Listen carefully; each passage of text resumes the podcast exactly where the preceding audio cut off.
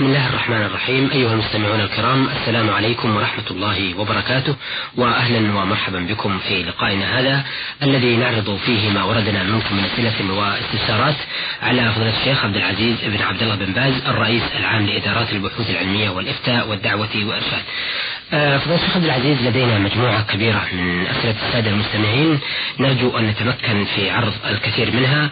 آه، نأخذ حسب ما ورد إلى البرنامج. رسالة المعذب ميم ها من خانقين بالعراق والمرسلة ها ميم نون من الربيعية والمرسل مشعل عبد الرحمن الثقفي من مكة و آه، المحبوب أو عبد المحبوب سيف علي آه، ومحمد فياض والمرسل ألف عين ميم من العراق وعلي صالح ابن صالح آه، العمال يماني. نبدأ أولا برسالة المستمع المعذب الذي رجا لا نذكر الصريح أو الاسم الصريح وأكتفى بميم ها من خانقين بالعراق. أولا في بداية رسالته يقول نشكر الإذاعة أو إذاعة المملكة العربية السعودية آه، على تقديم هذا البرنامج الديني القيم في إذاعة نداء الإسلام وإذاعة القرآن الكريم آه، والذي من خلاله تنشرون تعاليم الدين الإسلامي الحنيف ونرجو من الله عز وجل أن يوفقكم في مسعاكم ونرجو للبرنامج مزيدا من التقدم. سؤاله الأول يقول إني سريع الصلاة أي أنني أقرأ سورة الفاتحة وباقي السور القصار بصورة سريعة أو حركات الصلاة سريعة. هل هذا جائز أم لا؟ وفقكم الله. بسم الله الرحمن الرحيم. الحمد لله رب العالمين. صلى الله وسلم على عبده ورسوله نبينا وإمامنا محمد بن عبد الله وعلى آله وأصحابه ومن سلك سبيله واهتدى بهداه إلى يوم الدين. أما بعد السنة للقارئ أن يرتل قراءته وأن وأن لا يعجل فيها حتى يتدبر حتى يتعقل. سواء كانت الفاتحة أو غير الفاتحة. فالسنة له التدبر والتعقل والترتيل وعدم العجلة. كما قال الله سبحانه ورتل القرآن ترتيلا.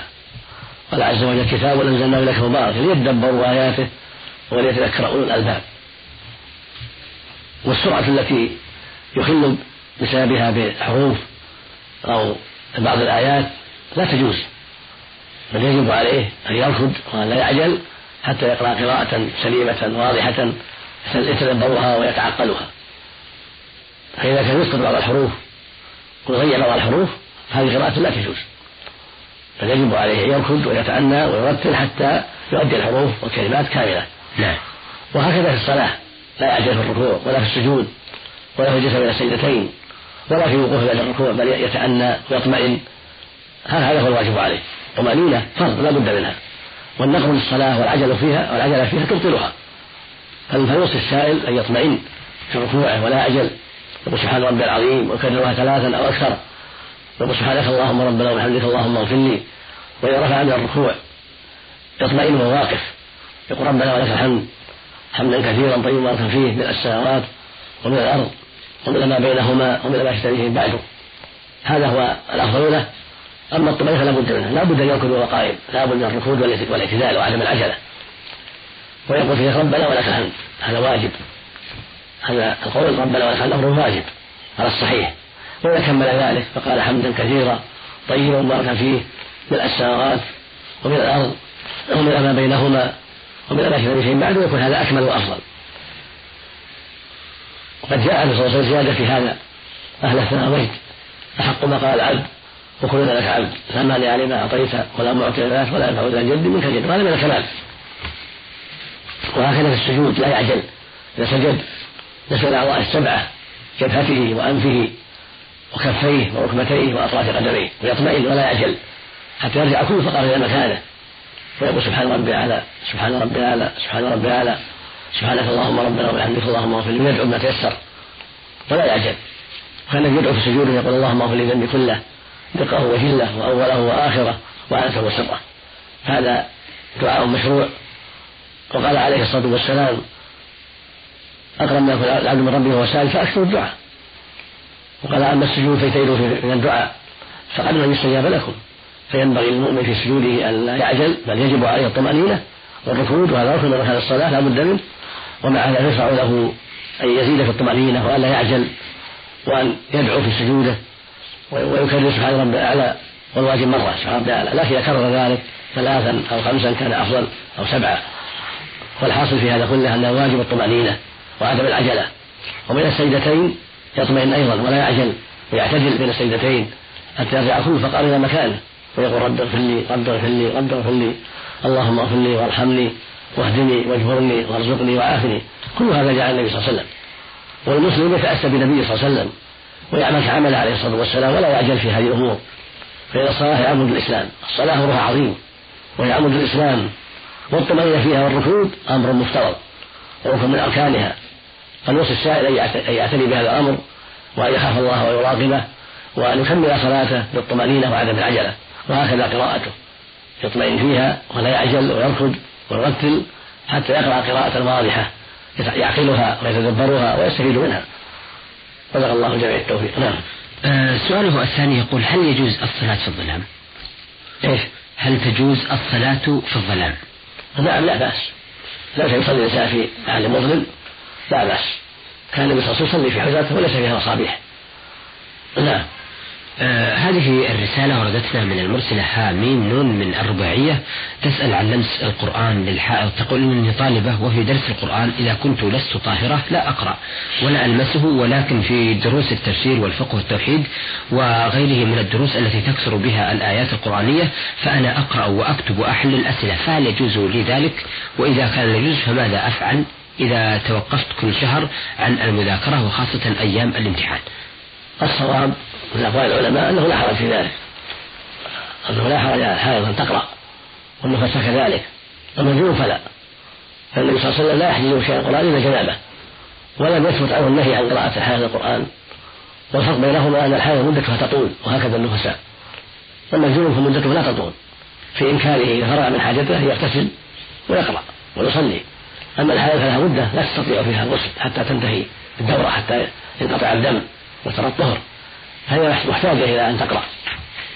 والنبي صلى الله عليه وسلم قال في حق الحائض في الحج افعل ما يفعل الحاج. غير أن لا تطوي البيت حتى تطهري فلم ينهاها عن الطواف. لا تطوف حتى تطهر. ولم يقل لها لا تقرأي. فدل ذلك على أنها لا بأس أن تقرأ القرآن ولا بأس أن تقرأ كتب التفسير والآيات التي في كتب التفسير وهكذا الآيات في الكتب الأخرى من كتب الفقه كتب الحديث لا حرج في ذلك. لكن لا تمس المصحف أما المصحف لا تمسه حتى تطهر. وإذا احتاجت يكون من وراء حائل أو يمسه غيرها لها حتى تراجع ما أشكل عليه من الآيات أما أن تقرأ عن ظهر قلب فلا حرج في ذلك على الصحيح من أقوال العلماء كما تقدم. نعم. آه هذه الرسالة وردتنا من مشعل أو البرقية وردتنا من مشعل عبد الرحمن الثقفي. آه يقول للمستمع مشعل آه أفيدوني جزاكم الله خيرا عن لحم الغراب والهدهد.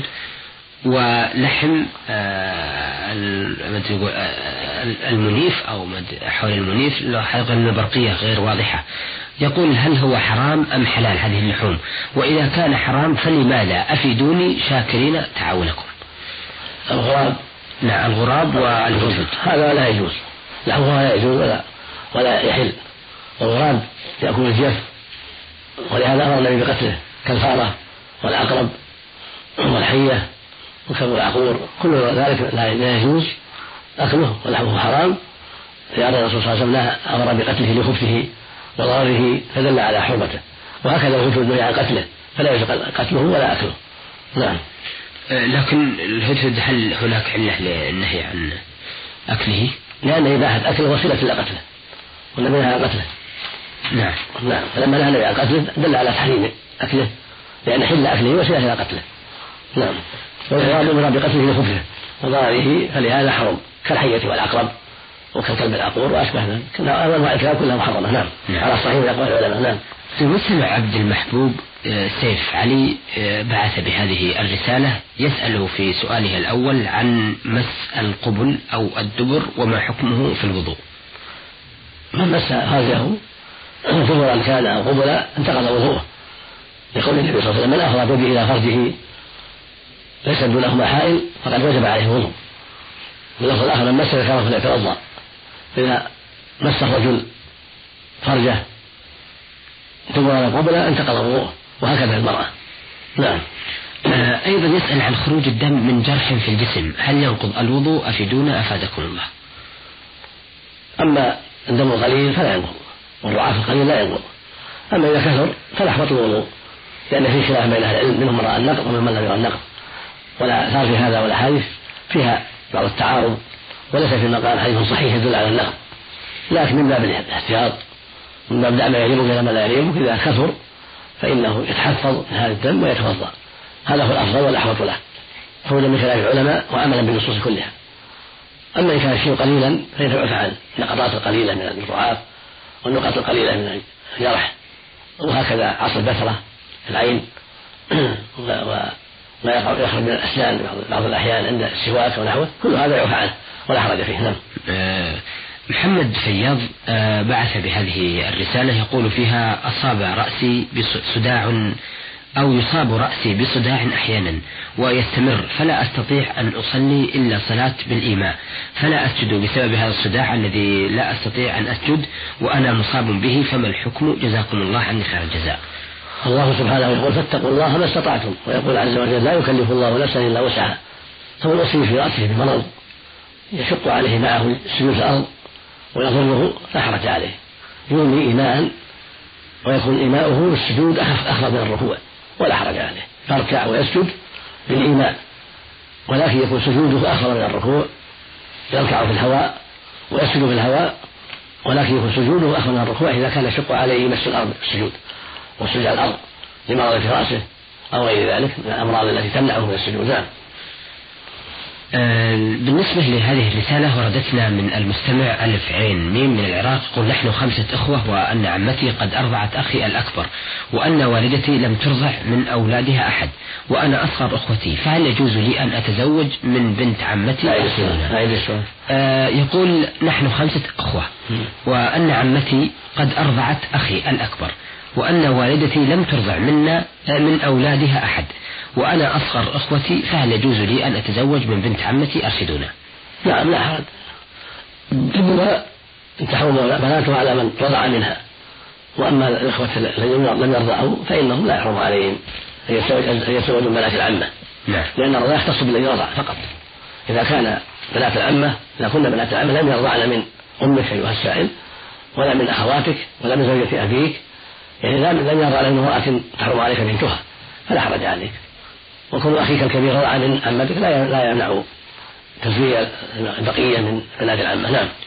آه هذه الرسالة وردتنا من علي صالح بن صالح العمال أو آه، اليماني يقول أنا متزوج منذ أربع سنوات وأنا ساكن معي والدي في بيت واحد ولكن زوجتي تحب المشاكل مع والدي ووالدتي. كل يوم وأنا أضربها وبعض الأوقات أفكر أن أطلقها ولكنني أحبها وهي تحبني. ولا أعرف أرضي والدي ووالدتي أم أرضي نفسي بحبها حسب أن زوجتي لا تفهم ولا تقرأ شيء. أفيدوني جزاكم الله خير الجزاء. ينبغي لك أن تستمر في نصيحتها وتحذيرها من المشاقة لوالديك وإرضى بهما لأن برهما واجب والواجب عليها أيضا التأدب مع والديك ومخاطبتهما بالتي هي أحسن والرفق بهما وطاعتهما فيما يسبب قطع المشاكل وجمع الكلمة وتبادل المحبة والتعاون. فأنت عليك أن تستمر في نصيحتها وتوجيهها الخير مع الكلام مع والديك بأن